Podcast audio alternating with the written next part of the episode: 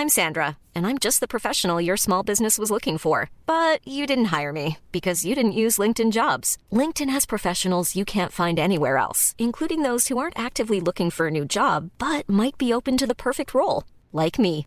In a given month, over 70% of LinkedIn users don't visit other leading job sites. So if you're not looking on LinkedIn, you'll miss out on great candidates like Sandra. Start hiring professionals like a professional. Post your free job on linkedin.com/people today. Even on a budget, quality is non-negotiable. That's why Quince is the place to score high-end essentials at 50 to 80% less than similar brands. Get your hands on buttery soft cashmere sweaters from just 60 bucks, Italian leather jackets, and so much more. And the best part about Quince, they exclusively partner with factories committed to safe, ethical, and responsible manufacturing. Elevate your style without the elevated price tag with Quince. Go to quince.com slash upgrade for free shipping and 365-day returns. Welcome to another round of Boardroom or Miro Board. Today we talk retrospectives with Agile coach Maria. Let's go. First question. You've spent two hours in a team retro, but the only input you've heard is Dave's. Boardroom or Miro Board? Boardroom. In Miro, Dave can't hog the space because everyone can add thoughts anonymously, online, at the same time. Correct. Next. You need the team to act on feedback fast, so you turn all those retro notes into Jira tasks instantly. Miro all the way. And I can assign those tasks to teammates. You're nailing this. Now, you see hundreds of sticky notes from the retro. A real mess. But you organize them into five themes in just seconds. Miro, I basically get back an entire hour when I use its AI tools for clustering. And she's done it. Join over 60 million people running actually enjoyable and actionable retros in Miro. Get your first three boards free at Miro.com. That's M I R O.com. Ja,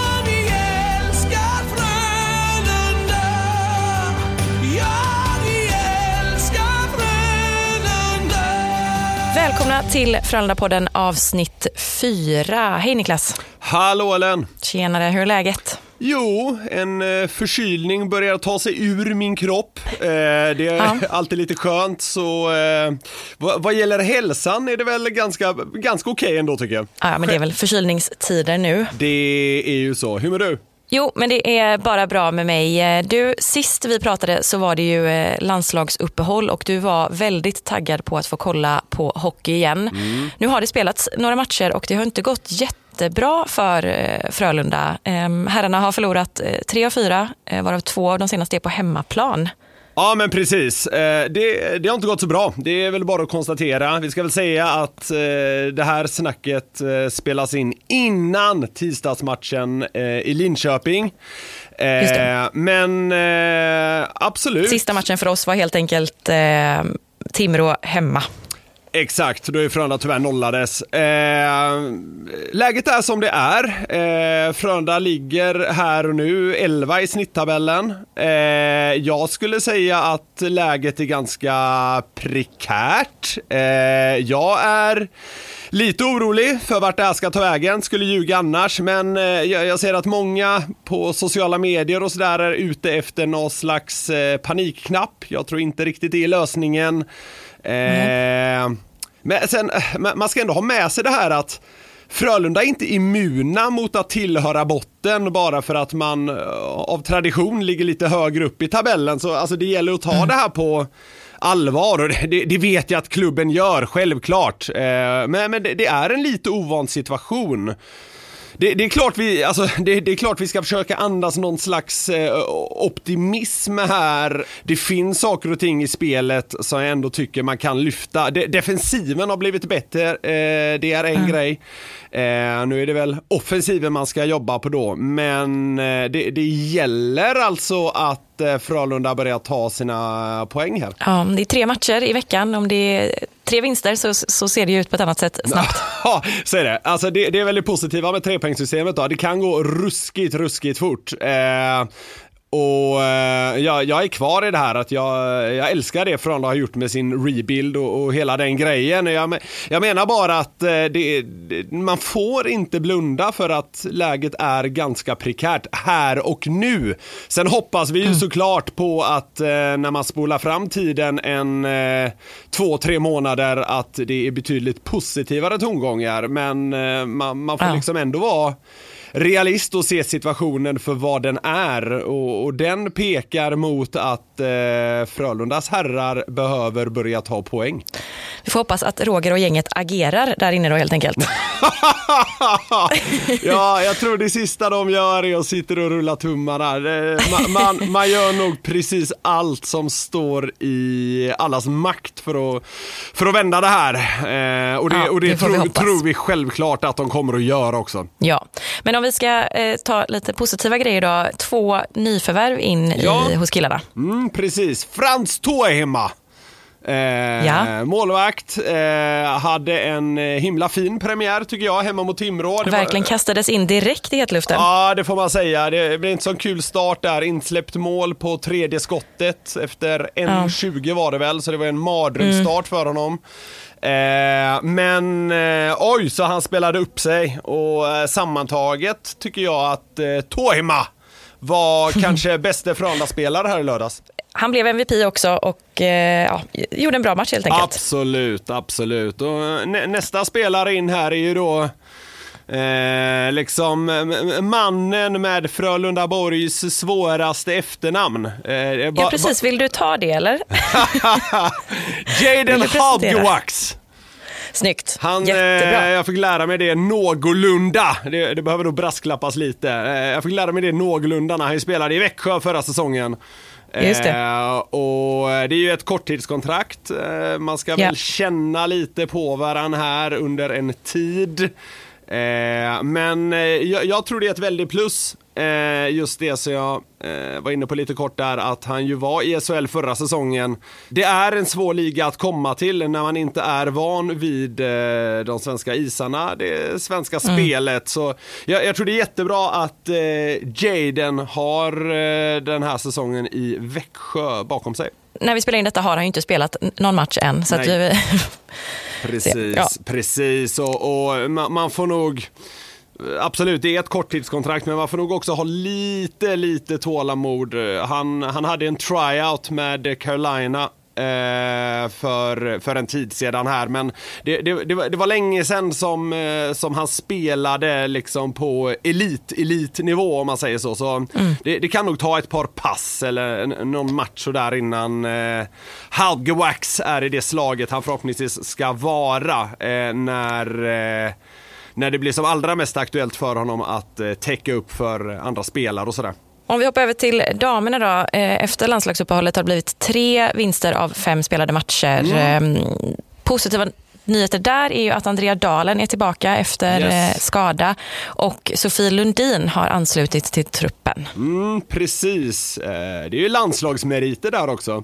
Damerna kör på. Det är, jag, ty- jag tycker det är kul att alltså, det, det fortsätter verkligen att satsas. Alltså, vi hade ju Matilda som kom in här tidigare under säsongen och nu Sofie.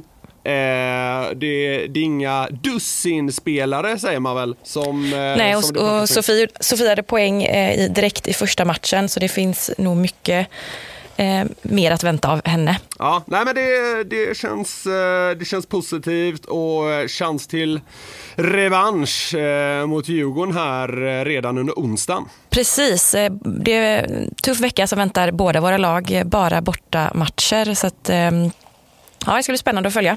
Ja men exakt, en riktig on the road-vecka för Frölunda Hockey.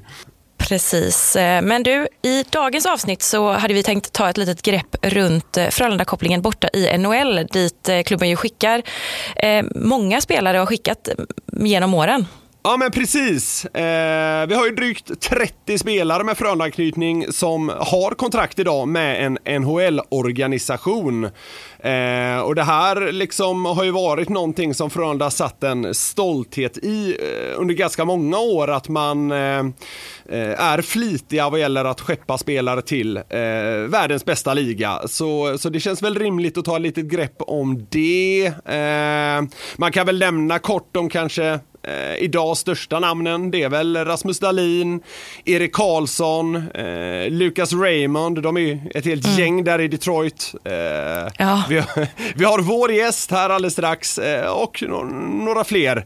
Och eh, vi, vi ska väl säga det också kanske att eh, en del av de här har ju förädlats i Frölunda efter att ha kommit hit som en stor talang eller med en redan bra grund. Eh, andra har ju spelat i klubben i många år och tagit stegen genom akademin och sedan A-laget innan det då Precis. blev en flytt över till eh, Nordamerika. Så man kan ju ändå liksom ha tagit lite olika vägar. Men gemensamt för väldigt många där borta är ju att Frölunda har haft ett finger med i spelet i alla fall. Så är det ju och eh, så är det ju för våran gäst som alldeles strax kommer här. Och vi ska ju säga då att avsnittet spelades in för några veckor sedan. Exakt, och det spelades in eh, före Global Series i Stockholm och även innan vår gäst tyvärr eh, åkte på en skada. Ja, och med det sagt är det väl dags att ta in gästen. Eh, Varsågod Niklas, kör presentationen. Han är en av de stora svenska NHL-stjärnorna och gör sin nu tionde hela säsong i Nordamerika. Men den här 31-årige backen, som numera är tvåbarnsfarsa och lever i hockeymeckat Toronto, har även en meritlista som ytterst få kan skryta med. Världsmästare som junior, två VM-guld som senior, ett SM-guld och assistkung 2018 bland försvarare i världens bästa liga. Kalles lillebror, som gjort fem år inom Frölundas väggar, sägs vara makalöst tjurig på golfbanan. Men väl ute på isen är det i alla fall en fröjd att se honom lira. Varmt välkommen till Frölunda-podden. Med oss från andra sidan Atlanten, John Klingberg. Hallå, hallå, tack för att jag fick vara med. Har du fått äta John? En uppgiftslämnare påstår att du kan vara ganska vresig annars. Ja, är det brorsan som säger det eller? Nej, men jag, jag tryckte. Ah, eh, kä- källskydd. Ja. Nej, men jag blir lite, eh, jag blir lite grinig när jag inte fått äta. Men jag tryckte i mig lunch här precis, så att eh, det här kommer nog gå susa. Ja, men eh, underbart. Håller du med om resten av presentationen eller var det något vi glömde? Eh, ja, jag vann ju också J. Han zoomade ut. SM-guld vann jag ju med Frölunda också, mitt sista år i juniorerna. Så att, eh, det, det tyckte jag ändå var ganska stort när vi gjorde det. Eh, I och med att man hade spelat upp i leden i fyra, fem år, som du sa där. Jag har inte så lika bra koll på det själv, men eh, och så är det ju väldigt många kompisar som man har gått i gymnasiet med och sånt, så det var ju jättekul att få sluta med att vinna SM-guld tillsammans innan alla gick åt olika håll. Så det var väl egentligen den största, eller Just första, det. största stora grejen som jag fick vinna där då. Du har hunnit vinna så pass mycket så det var lite kill your darlings-läge där. Allt, allt fick inte komma Nej, med. exakt. nej, men eh, ja, nej, det är kul eh, att man har fått lyckas vinna så mycket. Det ska man inte ta, ska man inte ta för givet. Eh, John, vi ska lite senare beröra ditt liv idag som NHL-stjärna, men allt började ju eh, hemma i Göteborg och eh, Lerum. Du kom till Frölundas akademi när du skulle fylla 15 år. Eh, berätta, vilka är dina starkaste minnen från eh, de första åren? Jo, precis. Uh, uppväxt i Floda, spelade Lerum hela vägen upp tills jag var 14, 15 där. Då kom jag till Frölunda i U14. Ehm, spelade ett år med U14 där. Sen när, vi kom in i U15 så var det min farfar och min pappa som sa du borde nog bli back. Det var väl inte jätteriktigt taggad på det egentligen. Ehm, just då i och med att man alltid har varit forward och man vill vara med- och göra mål och vara med i det offensiva. Ehm, men tillsammans med den eh, dåvarande coachen som jag hade så kom jag överens om att jag skulle testa och sen, eh, sen blev det bara så att jag till slut blev back då. Och det är väl ingenting som jag ångrar idag om man säger så utan jag har fortsatt flyta på och kan fortfarande vara ganska offensiv även om det blir en, från en annan position så har jag ändå kunnat få vara med och bidra på vad som egentligen är min, eh, ja, det som jag är bäst på inom hockey då, och driva puck och, och vara offensiv. Liksom. Så att, eh, det var väl egentligen så det började. Eh, bytte tillbaka när jag kom till Frölunda andra året och sen eh, U16 då, när man börjar satsa och tar in dem som man tycker är främst i Göteborg. Var väl alltid ganska liten och, och tunn sådär. Fick, så fick väl egentligen eh, lära mig att spela på ett lite annorlunda sätt när jag var yngre. Eh, visste att jag inte skulle liksom gå in i närkamp och, och vinna på styrka utan man fick eh, vara smart på, på ett annat sätt. Och det tar jag ju med mig än idag. Liksom. Eh, kommer väl fortfarande inte vara den starkaste när jag går in i en, en duell. Liksom. Men jag det är kul att man lärde sig från den tiden för eh, att man fick på ett annat sätt eh, lära sig att och vinna de en mot en-kamperna eh, som väldigt mycket av hockey är. Slå din gubbe eller vinn din en mot en.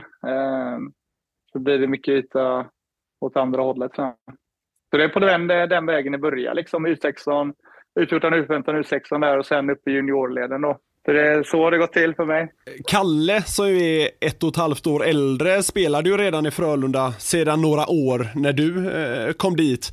Gällde det att liksom jaga honom då eller var det en icke-grej för dig? Ni, ni, spelade ju liksom inte alltid samma lag. Alltså det, där och då så var, var det ju faktiskt det att jag ville jaga honom. För att det, han var ju alltid Alltså han var ju alltid väldigt, väldigt bra när vi var små. Uh, jag var väl också det när vi var alltså, yngre ungdomshockey så, men uppåt liksom när vi började satsa juniorleden och sådär så, så var jag väl inte en av de främsta. Du visste ju inte ens vilken position Nej, du skulle spela exakt. John. Nej, exakt så. Nej, men uh, det satte sig ändå ganska tidigt. Liksom. När jag väl kom in i U15 och U16 där första åren i juniorerna så var det ändå självklart att jag skulle vara back. Men jag var absolut inte en av de främsta i landet eller påtänkt på att vara med i liksom landslag eller något sånt tidigt. Och där var ju Kalle absolut en av de främsta i sin ålderskull. Eh, så jag hade ju alltid någonting att sträva mot. Eh, liksom att jag vill också dit. Liksom. Fan, jag vill också bli så bra. Jag vill också kunna vara med och synas och, och liksom, ja, och vara bra på hockey. Det fanns liksom aldrig någon tanke på att någonstans när, egentligen när jag var yngre eller eh, växte upp att jag skulle liksom ha en, en backup-plan för att jag behövde göra någonting annat. Och till alla unga, unga där ute, liksom, det måste man ha. Men det var bara att jag var så inställd på att jag alltid liksom skulle spela hockey och det var det jag skulle göra. Liksom. Och då var det ju, i och med att jag och Kalle växte upp tillsammans och vi var så nära i ålder, så var det ju alltid lätt att jaga honom. Liksom. Så var det ju, och ta rygg på honom. Så att absolut, det, det gjorde jag ju under den tiden. Men när jag kollar tillbaks idag liksom, så så var det ju ingenting jag egentligen behövde göra. För vi var ju på helt olika platser. Liksom. Uh, och han var ju forward mm. och har en spelstil som är ganska långt bort ifrån min då, som är back. Fast jag är ändå ganska liksom, offensiv och tar andan pucken och sådär. Liksom, han är mer av en hårt jobbande liksom, grinder, som man skulle säga. Som står framför mål och kan ändå liksom, sprätta in lite puckar. Så vi är väldigt olika i spelstilen. så. Uh, men det är ju mm. också någonting eh, som är väldigt positivt på senare dag. För jag känner att vi kan verkligen liksom... Han spelar emot många backar som är som mig och jag spelar emot väldigt många forwards som är som han. Så att liksom det, man kan ju bolla erfarenheterna och liksom hur, ja, vissa kanske tänker i olika situationer, så det har ju varit väldigt hjälpsamt också. Ja, ändå intressant att du är inne på att det var lite av en tävling mellan er för de här ryktena vi redan varit inne på då. Eh, ett sånt eh, har nått oss eh, angående att det var en hel del tjafs och broderliga slagsmål hemma hos er och samma källa uppger att Kalle tenderade vinna dem. Är det, är det korrekt? Ja, men det var väl kanske inte så konstigt heller med att han var äldre och han var ju stor som en oxe redan när han var typ 12 år liksom. Och jag har alltid, och jag har alltid sett ut som en liten vandrande pinne liksom. Men eh, jag låg alltid på gränsen eh, och gick väl över den ganska ofta. Man hade tålamod, men ibland så brann det till rejält liksom på honom. Då, då hade man inte mycket att säga till dem. Eller då var det bara att springa och gömma sig eller liksom ta skydd. Uh, så var det, men det var alltid med kärlek, liksom, som vanlig liksom, syskon, syskonbråk. Liksom. Uh, men eh, nej, han hade väldigt mycket tålamod med mig, det hade han. Men sen gick det över gränsen ibland och då fick man ju känna på det. Liksom. Satt han ner, då satte han ner foten ordentligt. Du, ja, men du, du, du ska ha dragit i längsta strået i alla fall en gång. Minns du det? Ja, det minns jag. Det, det, finns ju lite olika som jag minns, men jag har ju en tanke om vilken del ni menar. Uh, Mittentrappan i Floda, vad säger det Ja, exakt. Det var exakt den jag tänkte. Det, det finns några andra också, men de är inte lika barnvänliga. Så att jag tror inte han tog upp den. Jag tror inte han tog upp dem. Men just, den i mittentrappan, då var det liksom... Ah, det bara triggades på och triggades på liksom. Och jag gick... Jag var väl på han väldigt mycket och gick över gränsen. Och till, det började faktiskt med att vi började liksom brottas eller slåss på övervåningen och så trillade vi ner mot mittentrappan och så helt plötsligt så, så ledde jag. Liksom. Första gången som det har hänt. Jag var liksom över honom och hade han, ner, hade han lite nedtryckt. Hade han liksom lite nedtryckt och det hade ju aldrig hänt. Men det tog ju två, tre sekunder liksom, så var ju han överst ändå. Liksom, för att han ja, insåg ju att oj, jag håller på att få stryk här. Så då tog det ju inte många sekunder innan han var överst. Liksom. Och så ser jag när jag är, ligger under och han är på väg mot mig. Så sträcker jag upp min, eh, min fot för att skydda mig. Liksom. Och då träffar jag han mitt mellan benen. så att eh, det, tog, det, tog, det tog ett... Uh, abru- Bullseye. Ja, bullseye. Ja, det tog ett abrupt slut där när han bara låg och ylade. Liksom.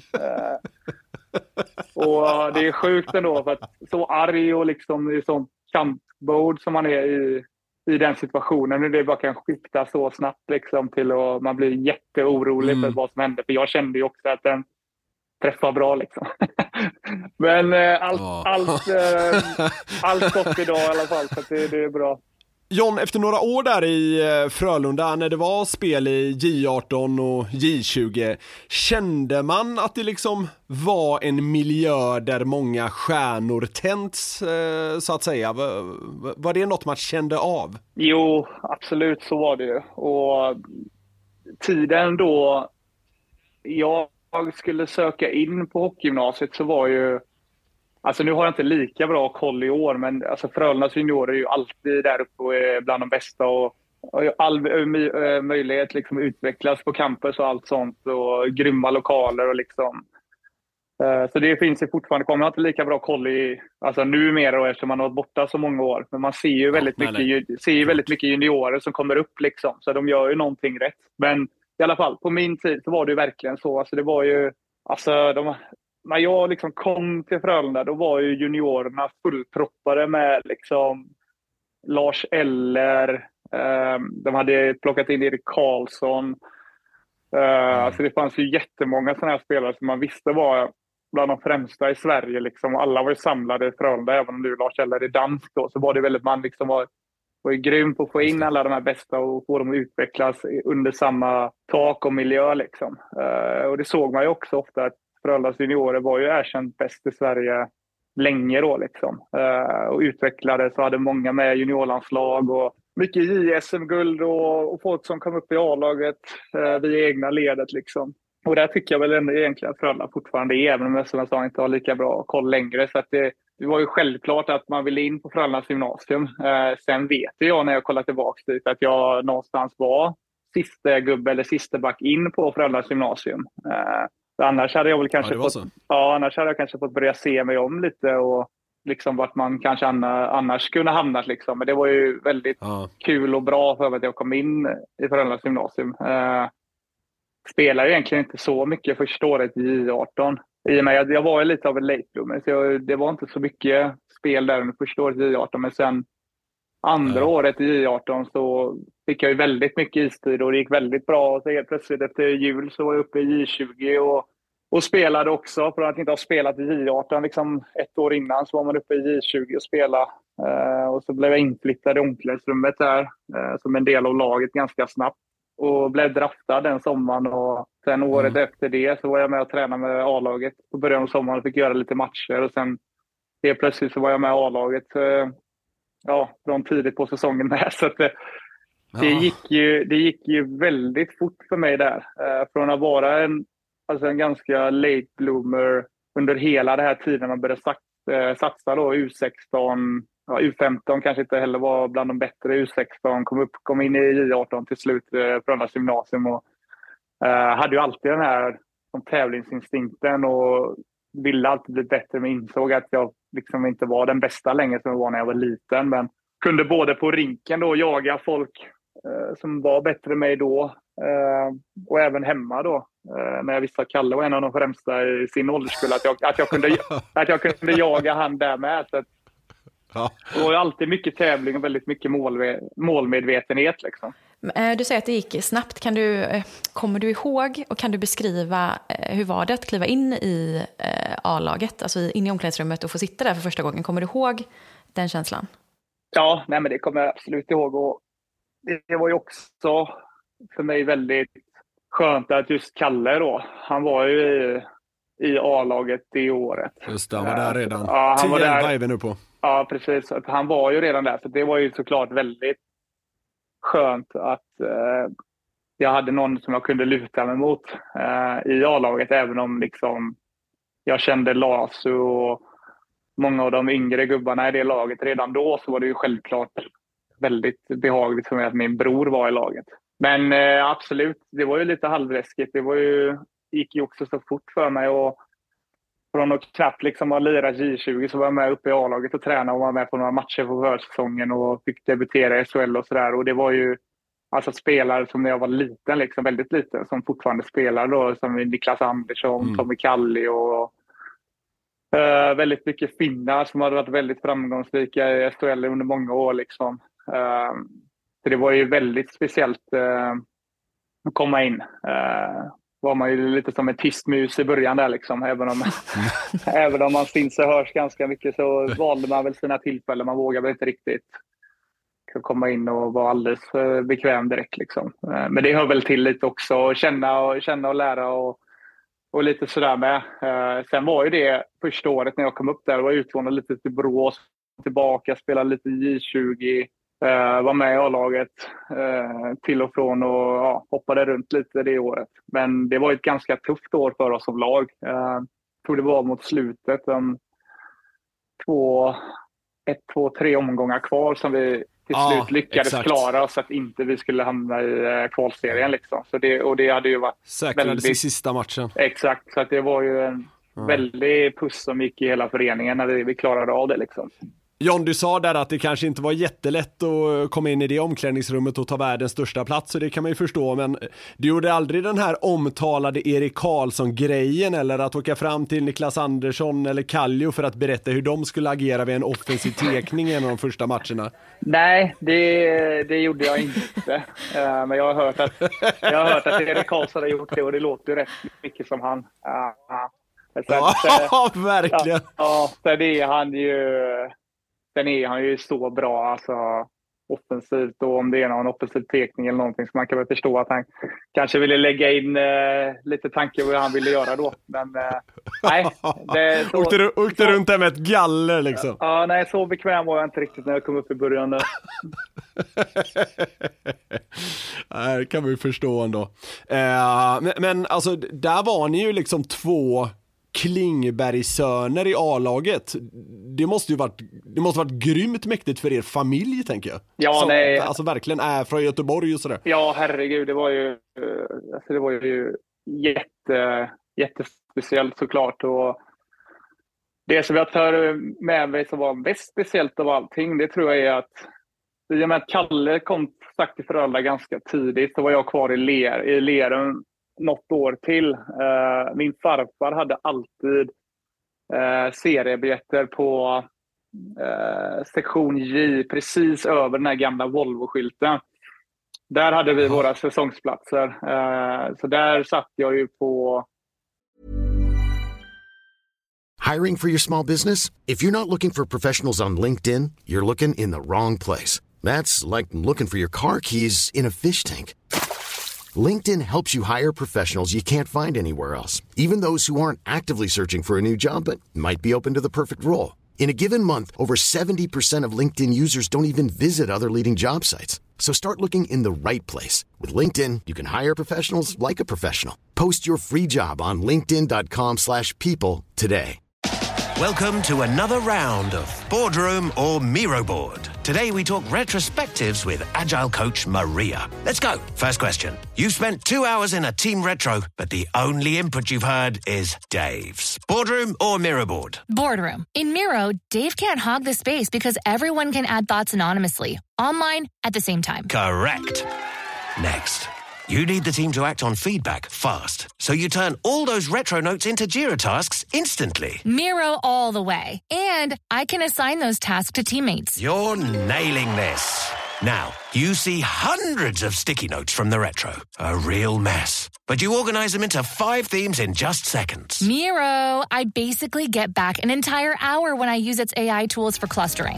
And she's done it. Join over 60 million people running actually enjoyable and actionable retros in Miro. Get your first three boards free at Miro.com. That's M I R O.com.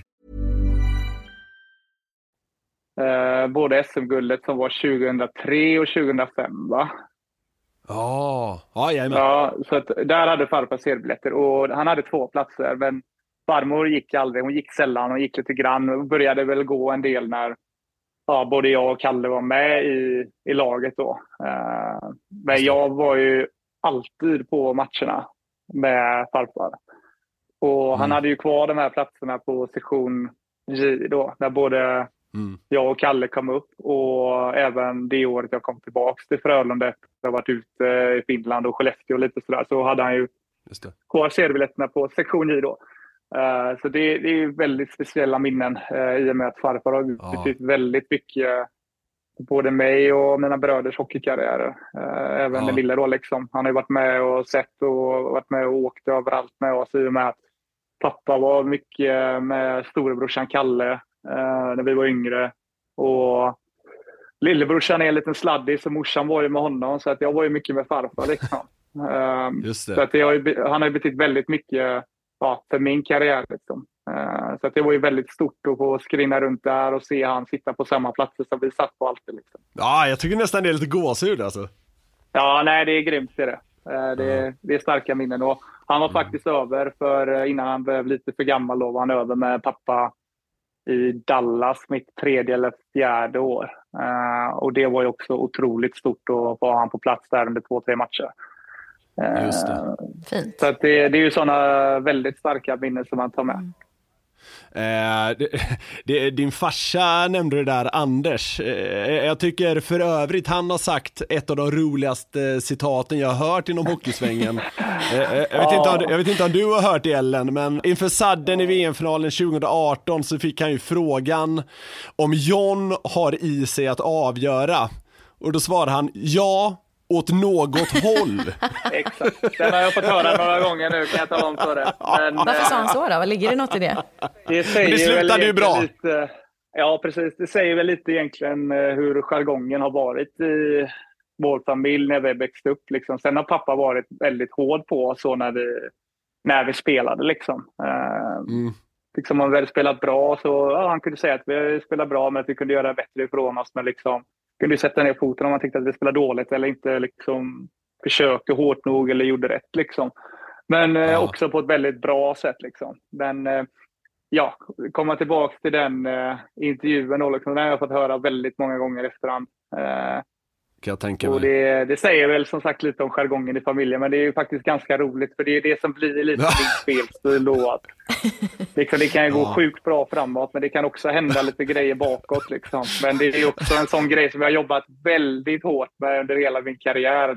Liksom välja rätt tillfälle när, Ja. Eh, ja, när jag ska göra grejerna och inte göra grejerna. Liksom. Det är jättekul, spännande för publiken. Och där, där var ju Roger. Rönnberg också. Ah, Nej, exakt. Men där var ju Roger Rönnberg väldigt eh, nyttig för mig också när jag kom in i juniorlandslagen första gångerna. För då var ju då, då, var ju då jag, första gången jag kom med i juniorlandslagen så var ju Roger eh, tränare. Och jag tror att han inte riktigt hade koll på mig som spelare utan tog med mig lite som en chansning. Så tror jag att han fick upp ögonen för mig där. Men vi, vi pratade väldigt mycket, jag och Roger, om att liksom, han kunde använda orden spela poker till mig. Gå inte all in med alla marker liksom. så att, så att, det, så det lärde jag mig väldigt mycket om Roger. Liksom, att han ville inte ta ifrån mig det är den jag var som spelare. Han pushade Men mycket för att jag skulle vara lagom. samma. Ja, men betta lagom, precis ja.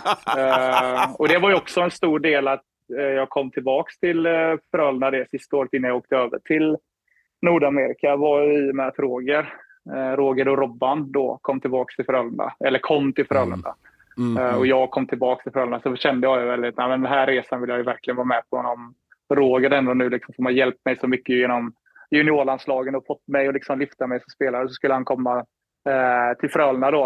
Eh, det var hans första år, det var ju då jag kom tillbaka också. Jag trivdes ju väldigt bra i Skellefteå. Vi hade precis vunnit SM-guld och vi hade en stor roll där, men jag kände väl att jag hade en chans att utvecklas och, och få spela ännu mer och få en ännu större roll hemma i Frölunda i och med att Roger eh, kom tillbaks och vi hade liksom ändå blivit bättre av varandra tror jag under många år där. Eh, Så betyder det ju mycket att få komma hem till Frölunda och göra ett år innan jag åkte över till Nordamerika. Vi nämnde kort VM-guldet 2018 där, men året innan, 2017, fick ju du och Kalle vinna VM-guld tillsammans.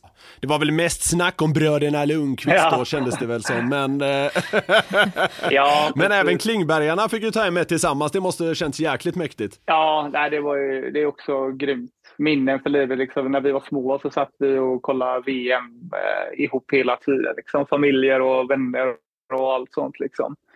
Sen att få vara med och vinna, vinna ett VM-guld ihop var ju extremt coolt. Sen fick ju inte Kalle spela. Han var inte ombytt mot slutet av turneringen i och med att det kom in så mycket NHL-spelare och så. Men han hade ju ändå gjort en riktigt bra turnering och var en del av laget. Liksom. Eh, Mm. Så det, det betyder ju väldigt mycket. Och, och, och få göra det tillsammans. Sen var han ju faktiskt med året efter i Köpenhamn.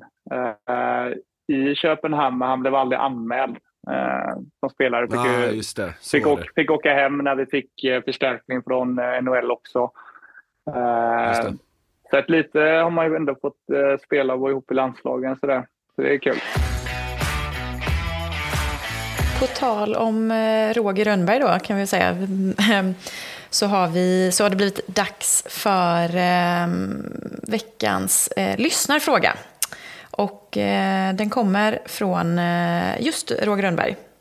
Hej John, det här är en av dina gamla coacher här och jag har en fråga till dig. Vilken är den absolut snyggaste coach du någonsin haft? Ja, Den absolut snyggaste coachen som jag har haft. Ehm, viktig fråga. Det känns ju som att han fiskar efter ett visst svar Han fiskar ju efter att jag ska säga han själv, men alla vi, Gör vet, ju, alla vi, vet ju hur Roger ser ut när han blir högröd i ansiktet och är arg på domarna. Så att det är svårt att säga Roger Rönnberg. Så jag, får, jag, jag, får, eh, jag får säga Robban Olsson. Då. Han är lite skön, har Stockholmsdialekt. där.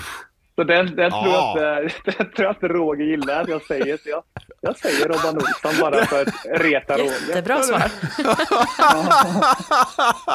Ah, himla otaktiskt alltså, ge dig den möjligheten.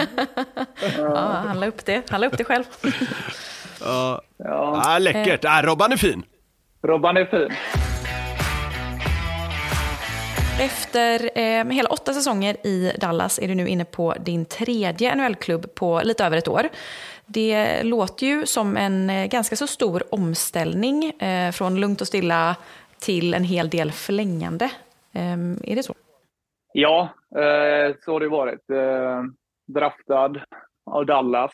Eh, signade på ett sjuårskontrakt. Spelade där i åtta år. Eh, liksom egentligen växte upp och blev den spelaren som man ville bli i den eh, föreningen och den klubben. Liksom. Eh, trodde väl egentligen att jag skulle vara kvar där eh, resten av min karriär. Eh, men saker hände ju på vägen. Liksom. Och hade ju åtta riktigt, riktigt bra år där. Eh, trivdes väldigt bra. Alltså, grym stad. Liksom.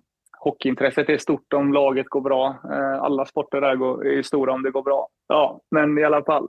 Kom, när kontraktet gick ut och hamnade i Anaheim ett år. Men där skrev jag ju på lite som att jag visste att jag skulle bli tradad på ja, NHL Trade Line som de kallar det här borta. Då. Just det. Så att om vi hade gått bra som lag eh, och att det hade gått bra för mig så hade jag väl förmodligen kanske varit kvar i Anaheim då under det året. Men om det inte skulle gå så bra för laget eh, eller för mig själv eller, eller sådär liksom i och med att det var lite en ombyggnadsfas i Anaheim så visste vi när vi signade att vi skulle eh, bli tradade.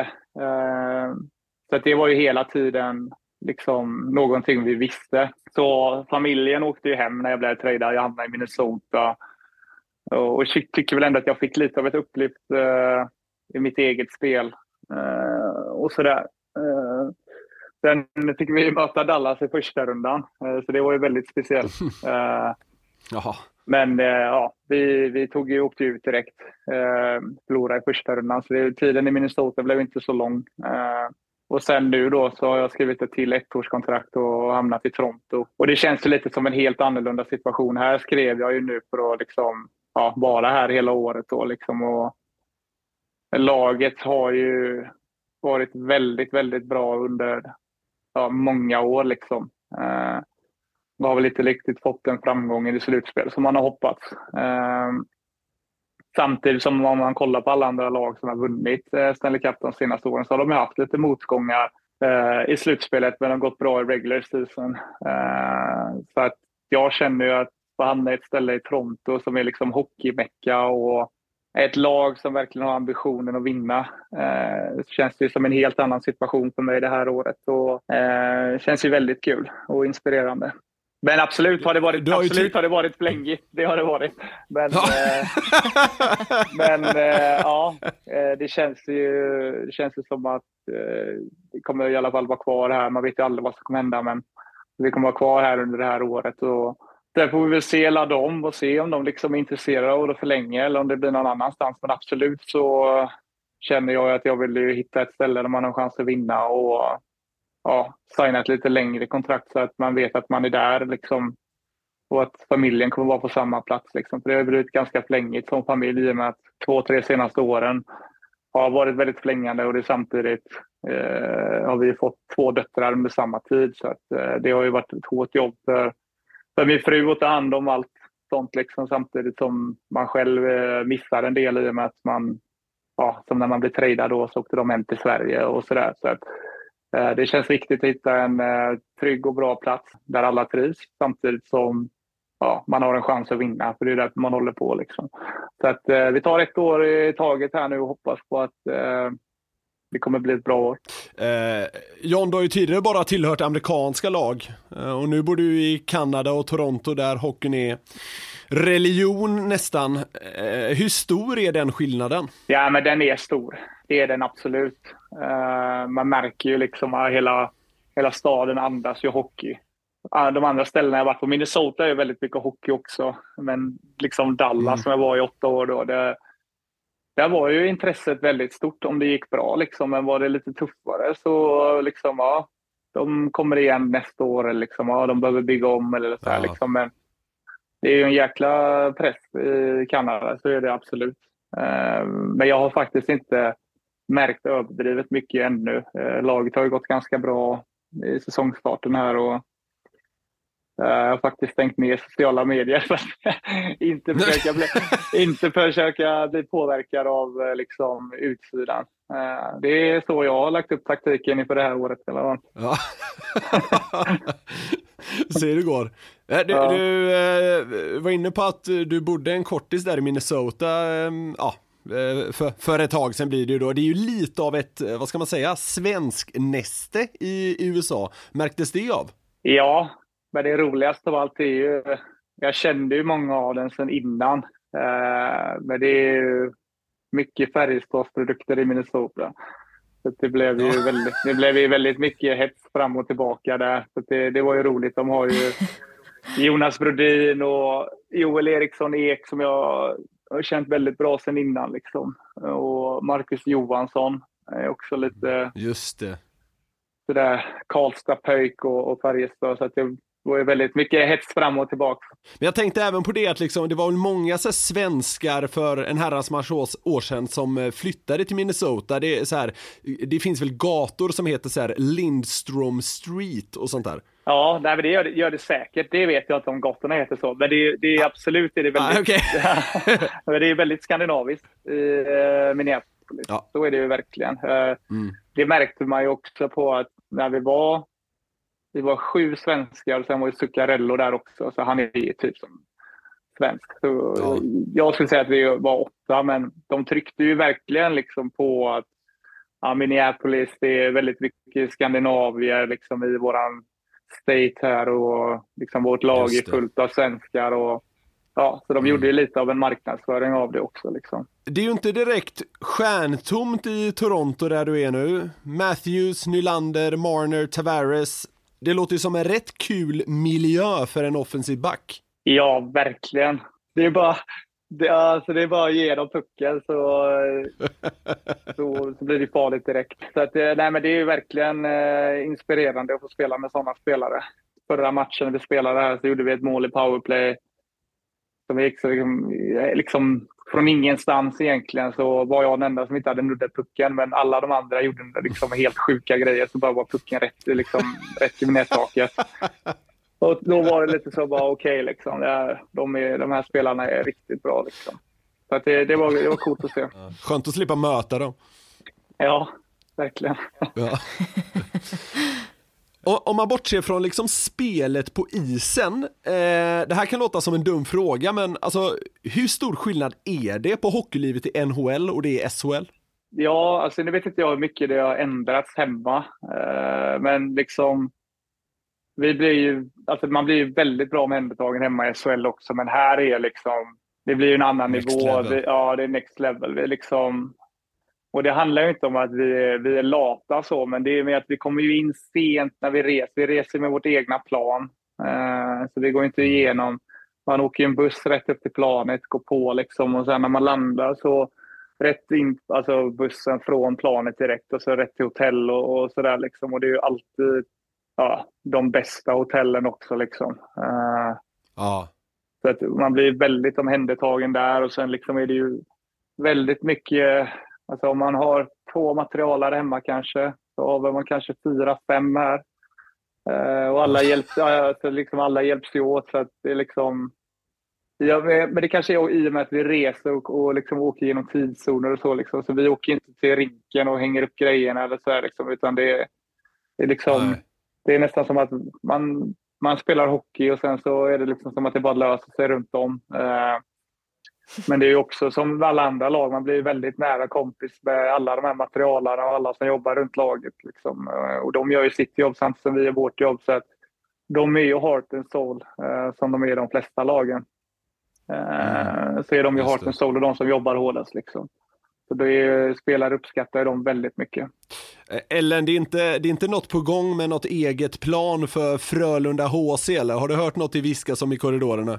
Det är ju nog ingen information som jag får i första hand, men jag har inte hört något om det, nej. Ja, men det hade ju, det hade ju ändå varit coolt om Frölunda ville vara de som stack ut näsan och var först med det. jag, ska, jag ska ta det vidare till kontoret. Ja, ja det. Kolla med ja, vi får, vi får, ja, Boka ett möte med Grauers och läktaren, se vad de kan pynta upp. Jag har en idé. Mm, exakt. Eh, men, men John, om vi fortsätter bara på det spåret lite där, du var inne lite på det, men så här, hur ser en vanlig dag för er om ni ska spela mot, ja, vi säger Chicago borta? Då ska man alltid vara där, alltså dagen innan.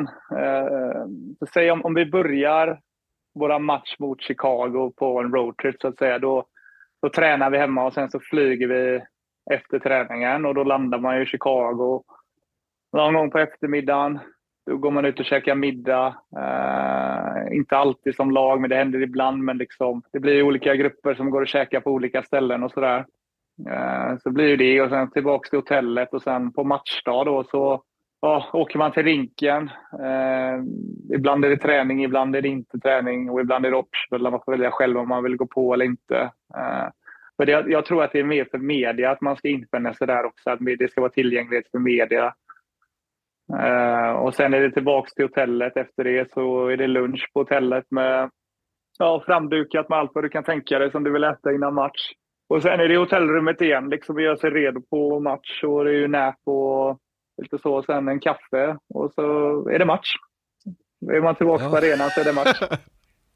Och sen om man ska vidare då, jag vet inte om man Chicago så flyger man vidare till eh, ja, säg Minnesota då, eller Minneapolis som är ganska nära Chicago. Då då flyger man ju dit mm. efter matchen, så kommer man ju fram ja, sent, mitt in på småtimmarna.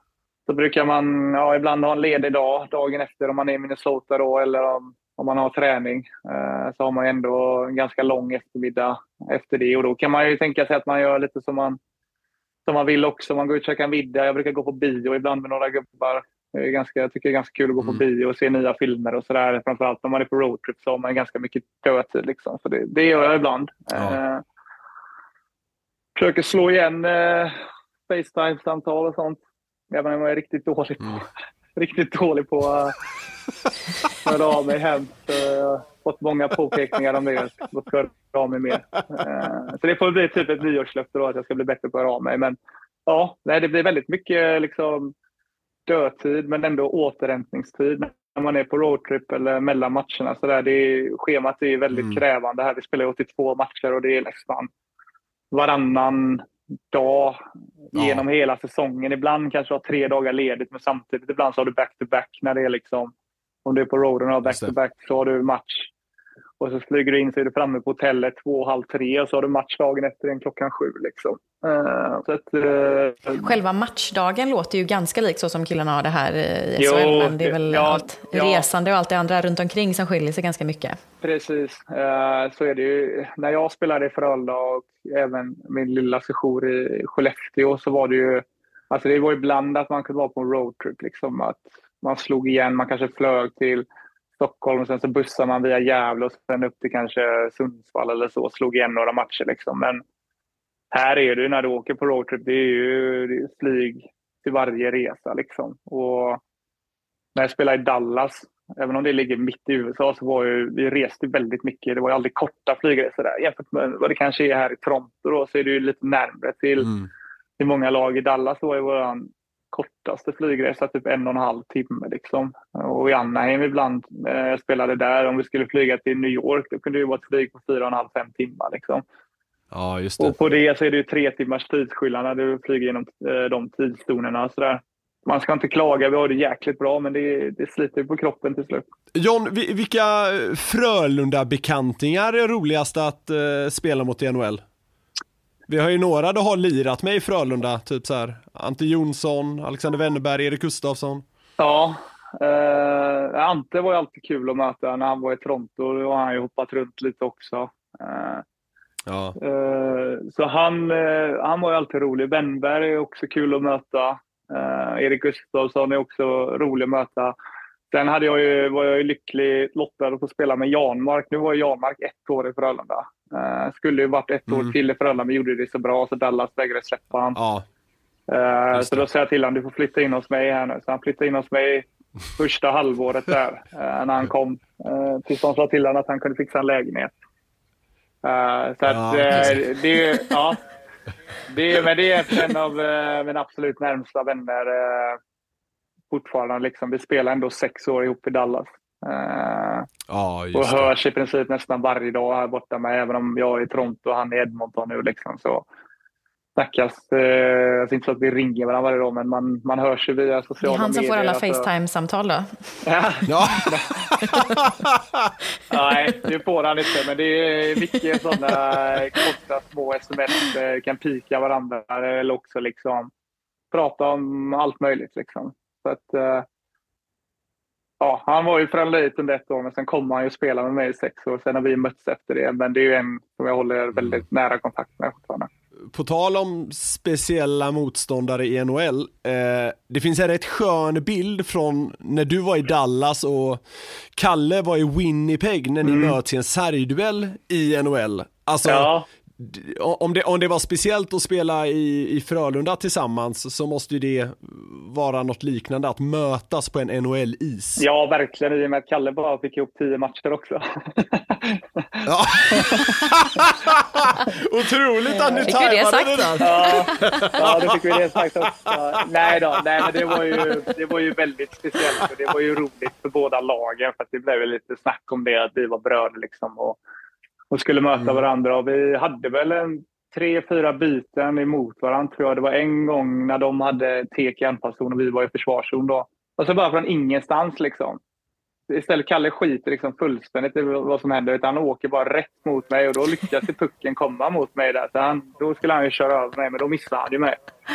Uh, Han tänkte på den där gången i trappan. Ja, ja exakt. Men den bilden, som du, den bilden som du tänker på, det var faktiskt ganska roligt. För han kom upp med pucken på högerkanten. Eh, och jag är ju högerback. Så att det blir ju liksom egentligen mot alltså på andra sidan av isen. Fel men jag sida, kände ju ja. bara, nej men jag har bra gap här. Och ja, jag, jag tänker försöka stoppa han liksom. Eh, och det är inte ofta jag går in och försöker smäll, smälla liksom. Men jag såg att han inte var riktigt beredd på att det skulle komma någon där. Så jag skulle ju tackla Det var för bra läge. Exakt, för jag skulle ju tackla honom. Men jag missade han lite och kör rätt in i domaren. Som var precis bredvid. Så på den bilden så ser du ju att jag sitter typ på knä och domaren ligger ju ner också. Och Kalle står ju fortfarande upp såklart. Då, så bilden säger ju, säger ju egentligen fel, tycker jag. Utan det var ju jag som skulle tackla honom. Men miss, missade lite för domaren. Men han menar ju på att det var han som ja, kom vinnande ur duellen då, men det han gjorde var egentligen bara att dumpa ner pucken, så att han gjorde inte så mycket med den ändå. Nu, nu är det här podd och vi pratar om en bild, det är inte så bra, men man, man kan ju säga så här i alla fall, det är en ganska rörig bild, så kan vi säga. Ja, ja det är en rörig bild. Eh, Jag tror Kalle har lagt upp den på Instagram eh, någon gång. Jag har också lagt upp den på mitt flöde för som min typ tredje eller fjärde bild. Om man vill gå tillbaka och kolla på den. Men det är ingen, det är ingen bra Vi kan också lägga upp den i Frölundas kanaler, det är inga problem. Un, underbart. Brö, bröderna Klingbergs fantastiska sargduell. Du bor ju eh, over there med familjen. Eh, lever ni väldigt nordamerikanskt där borta eller eh, försöker ni ha en svensk touch på, på vardagen? Nej, vi lever, vi lever väldigt svenskt, skulle jag, skulle jag påstå. Ehm, så mycket svenskt som man, kan, som man kan bli här borta. Sen är det klart att man blir eh, lite... Ja, nu är jag i Kanada, men i och med att jag bodde i Dallas i åtta år och i, i och med att det är Texas och väldigt mycket USA i sig. Liksom. Det är klart att man liksom har fått väldigt bra erfarenheter av eh, det amerikanska livet. Och det finns väldigt mycket som är grymt bra i USA och det finns väldigt mycket som är grymt bra i Sverige. Och sen finns det ju nackdelar på, på båda ställena också, precis som det finns överallt i, liksom i samhället och på olika ställen. Eh, så att vi, lever, vi lever ju väldigt svenskt och våra barn är ju, våra döttrar är ju födda i USA men de är ju svenska liksom. Så att nej, det är så svenniga vi bara kan bli med en touch av eh, nordamerikanskt. Ni väljer det bästa från båda. Tagit bäst, det, ja, ex, Ja, exakt, exakt vad jag tänkte säga. Ja. Ha, har, ni, har ni en väldigt, väldigt stor bil, undrar man ju. Ja, det har vi faktiskt. Ja, men lite, lite, klassiskt lite, lite, amerikanskt. Det är- ja, men lite sjukt nog så blev den stulen här för några veckor sedan. Jag vet inte Nej. om vi, ska prata om det i podden, men ja, den, blev, den, blev stulen, den blev stulen för några veckor sedan. Eh, Men vi, vi satte faktiskt en airtag i den när vi kom till Toronto för att eh, de pratade om att det var ett problem här i Toronto. Så då körde jag in en Okej. airtag i den ifall det skulle hända. För den fick inte plats i garaget. Den stod ju liksom på garageuppfarten så blev den ju stulen faktiskt. Men eh, vi hittade den eh, 14-15 timmar senare via airtagen. Så att vi har fått tillbaka den men eh, ja, den är ju klippt i alla, alla sladdar och allting. Så att det är en försäkringsfråga nu. Även om det var airtagen som då gjorde jobbet var det ändå lite snyggt detektivarbete får man ju säga. Alltså, leta upp sin egen stulna bil. Ja, precis. Eh, Vi kopplar ju in security i laget och polis och sådär direkt. Så att eh, det vart ju fullt fokus på det där i några timmar. Men det var ju skönt att, liksom, att man ändå kunde hitta bilen igen. Men en, det, var, det var en stor bil i alla fall. Ja, ja okej, ja men det är bra. det, det gillar de i USA. Hur mycket av det som pågår rent hockeymässigt i Sverige hinner du ta in eh, där borta? Nej, men mycket. Um, I och med att Kalle var i Schweiz så många år så följde jag ju han, eh, ja, följde jag han i Schweiz. Även om det var ganska svårt att liksom hitta matcherna hitta matcherna liksom och kolla på dem. Det var ju liksom streamingsidor och sånt, men det funkar ju aldrig och man själv var ju alltid mitt i, mitt i sin egen liksom nap eller liksom matchladdning och sådär också. Men det är ju väldigt kul att han är tillbaka i Frölunda för min egen del. För att jag har ju följt eh, alltså Frölunda på Simor och sådär genom, genom åren. Eh, och det är väldigt lätt att, och liksom logga in på TV4 Play och, sätta på matchen och kolla. Och det är ju extremt kul att få följa Frölunda och när, när brorsan är hemma nu också. Så att nej, jag, jag har följt väldigt mycket. Hänger, hänger det någon liksom stor eh, Frölunda-flagga i någon skön Toronto-förort nu då? Nej, det gör det inte.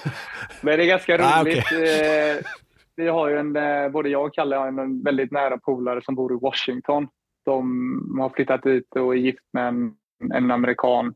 Och han har ju väldigt mycket Frölunda på sin sexåriga son där hemma. Så att eh, det springer runt eh, Frölunda-fans i Washington. Och jag var precis där nu faktiskt. Häng... vi skickar en flagga då, så, så kanske, det, kanske det kan hängas upp en. Ja, jag hänga den, ut- ska jag hänga den Kanske. utanför huset då? Ja, precis. Ja, exakt. Ja, ja, men det är, ja, men det är härligt. Ni sprider ut Frölunda-supportrarna lite över Nordamerika då kan man säga. Ja. Nej men så är det här borta. Så är det ju om man pratar svensk hockey så är det ju många som vet vilka Frölunda är. Så är det. Eh, Du har ju inte bott i Sverige sedan 2014, eh, är bara 31 år, men finns det några som helst tankar på när det kan bli en eh, flytt hemåt? Ja, du sitter väl och fiskar lite efter om jag skulle spela hemma i Frölunda. Är det det du tänker på? Nej, men Eh, det, det, det kan väl vara lite åt det hållet eh, jag den är på väg, klassiska ja. frågan. Ja, nej, Den här, klassiska frågan man alltid ställer under somrarna, men nu ställer jag den under hösten. Ja, precis. Nej, men så här tänker jag lite. Alltså, man vet ju aldrig vad som kommer hända. Men eh, så länge som jag känner att jag hänger med här borta och kan vara en toppspelare och och en bra spelare som bidrar eh, i det laget som jag spelar och att jag fortfarande känner att eh, lag är intresserade av mig så kommer jag vilja spela här borta så länge det kan.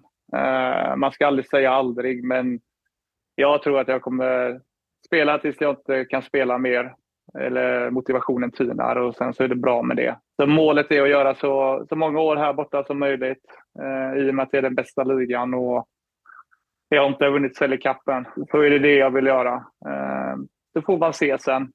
Eh, man vet ju aldrig men just nu så, så liksom, det hade ju såklart varit kul att få komma hem och spela Frölunda och få spela med brorsan men eh, mitt mål och mitt fokus ligger på att spela här borta så länge Ja. jag kan och sen är det nog bra med det.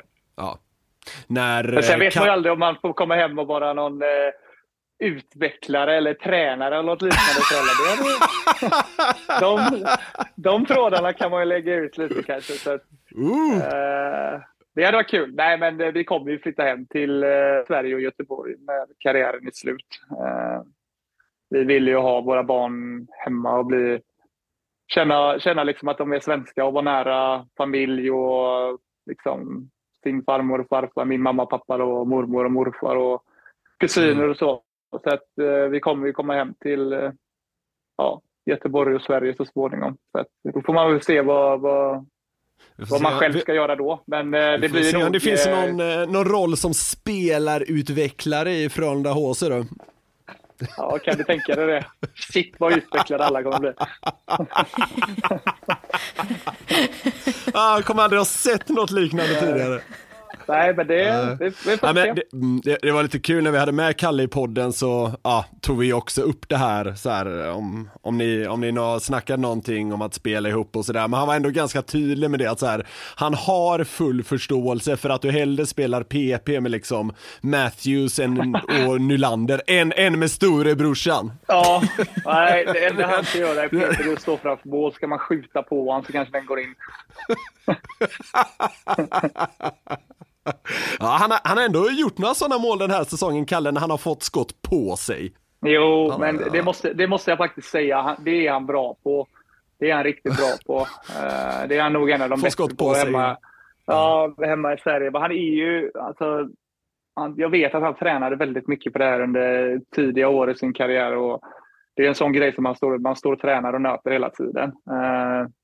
Men liksom, oftast är ju inte målen klapp-klapp och helt snygga, utan det är liksom sådana mål. Och det är, det är han bra på. Liksom, och det är det som är hans spel och hans roll lite. Så att det ska han ju fortsätta att göra. Underbara mål, älskar de målen.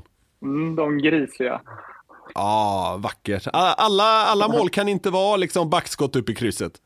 Nej, nej, det är svårt. Ja. Det är svårt att, skjuta från blålinjen rätt upp i krysset. Då behöver du ju någon som står och skymmer. Och det, det får ju Kalle göra. Exakt. Och, och ibland så träffar de Ja, han. du hör ju, det är en perfect match. Lägg ner det där jävla NHL-tramset John. nej, det tror jag inte. Nej, det var, det var ett skämt. Ja. Eh, Eh, men, eh, du är ju annars eh, här på Frölundaborg och kör lite med andra NHL-spelare under, eh, under somrarna. Hur, hur fungerar liksom den biten? Jo, nej, men det har fungerat jättebra. Eh, vi, vi får ju istid eh, då från Frölunda som är eh, ja, emellan liksom juniorerna och damlaget och, och A-laget och sådär eh, på lite olika tider. Men eh, det är ju många från Göteborg som har sin, eh, alltså är där under sommaren och ja, åker över i, i princip samma tid som mig. Så det blir ändå en del som, som kör ihop på sommaren. Så, eh, det är ändå bra träning och det är kul och, och bra stämning och, och tävling på dem också. det finns många roliga historier från dem också. Eh, när, vi, när det blir tajt och jämnt. Fredagarna, vi kör ju inte på helgerna utan det blir måndag till fredag. Så det är alltid väldigt hård match på fredagarna där om vem som ska gå, gå och förtjäna en extra öl på helgen. V- vem är grinigast? Eh, det tror jag Viktor Svedberg är. Jaha, okej. Våran gamla långa kompis som spelade Ja. Frölunda för många, många år sedan. Just det. Men du, eh, sk- skiter ni i Bragebacken eller? Den är, den är lite för jobbig för NHL-spelarna eller? Ja, nej den, den kör vi inte. Den är... Den, eh, Per Edmunds den, påhitt. den, är, den får Perra köra med gubbarna i Frölunda. Ja, nej, men det, det, det låter lite lagom. Måndag till fredag och ingen jäkla Bragebacke. Ja, det är dags att eh, runda av på den här, men innan vi säger hej då så ska du få, likt våra tidigare gäster, eh, ge ett tips till eh, lyssnarna. Har du något bra tips till Vad oss? som helst. Ja, nej, men det tror jag. Jag har väldigt många tips, men mitt bästa tips det är ju, det är ju såklart som, som brorsan förmodligen också har sagt, det är att vara lycklig i nuet. Eh, gör det som du tycker är, är roligt liksom och ta hand om nära och kära och, och vara en bra medmänniska. Det är, det är för mycket skit som händer i världen nu liksom. Eh, runt om eh, med Ryssland och liksom Israel och Palestina och och sånt så, ja, liksom ta, ta hand om nära och kära. Och där behöver jag ju själv också bli bättre på, som vi snackade om. Måste börja ringa tillbaka eh, till mamma, till mor och far mer och sånt. Liksom. Eh, I och med att vi bor på helt olika kontinenter. Så att, nej, det är sådana grejer. Jag tycker relationer är väldigt viktigt. Så att, eh,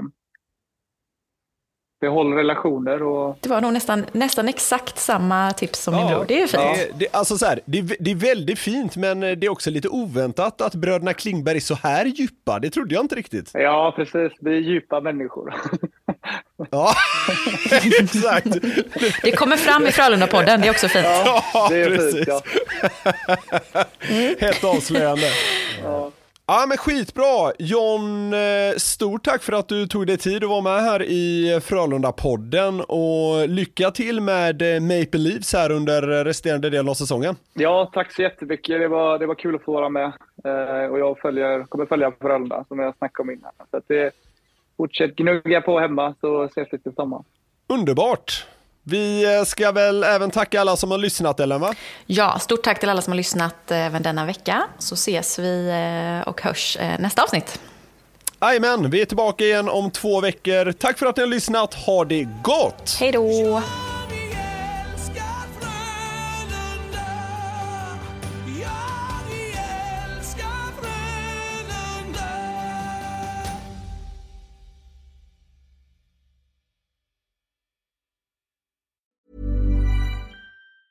Welcome to another round of Drawing Board or Miro Board. Today we talk brainstorms with UX designer Brian. Let's go. First question. You thought you'd see everyone's idea in the team brainstorm, but you've got a grand total of one. Drawing board or Miro board? Drawing board, right? Because in Miro, the team can add ideas now or later. And with privacy mode, we can keep them anonymous until they're good to share. Correct. Next, you need the best way to explain your idea, but all you have is a few sticky notes. Drawing board or Miro board? Drawing board, because, you know, in Miro, I could record videos, add text, images, links, and digital sticky notes, of course, present my thoughts the way I want. Right again. Now, You're looking for a past idea you thought was just genius. Only you could find. Oh, there it is. Drawing board or. Miro! All our finished and unfinished work lives in one place. And he's one.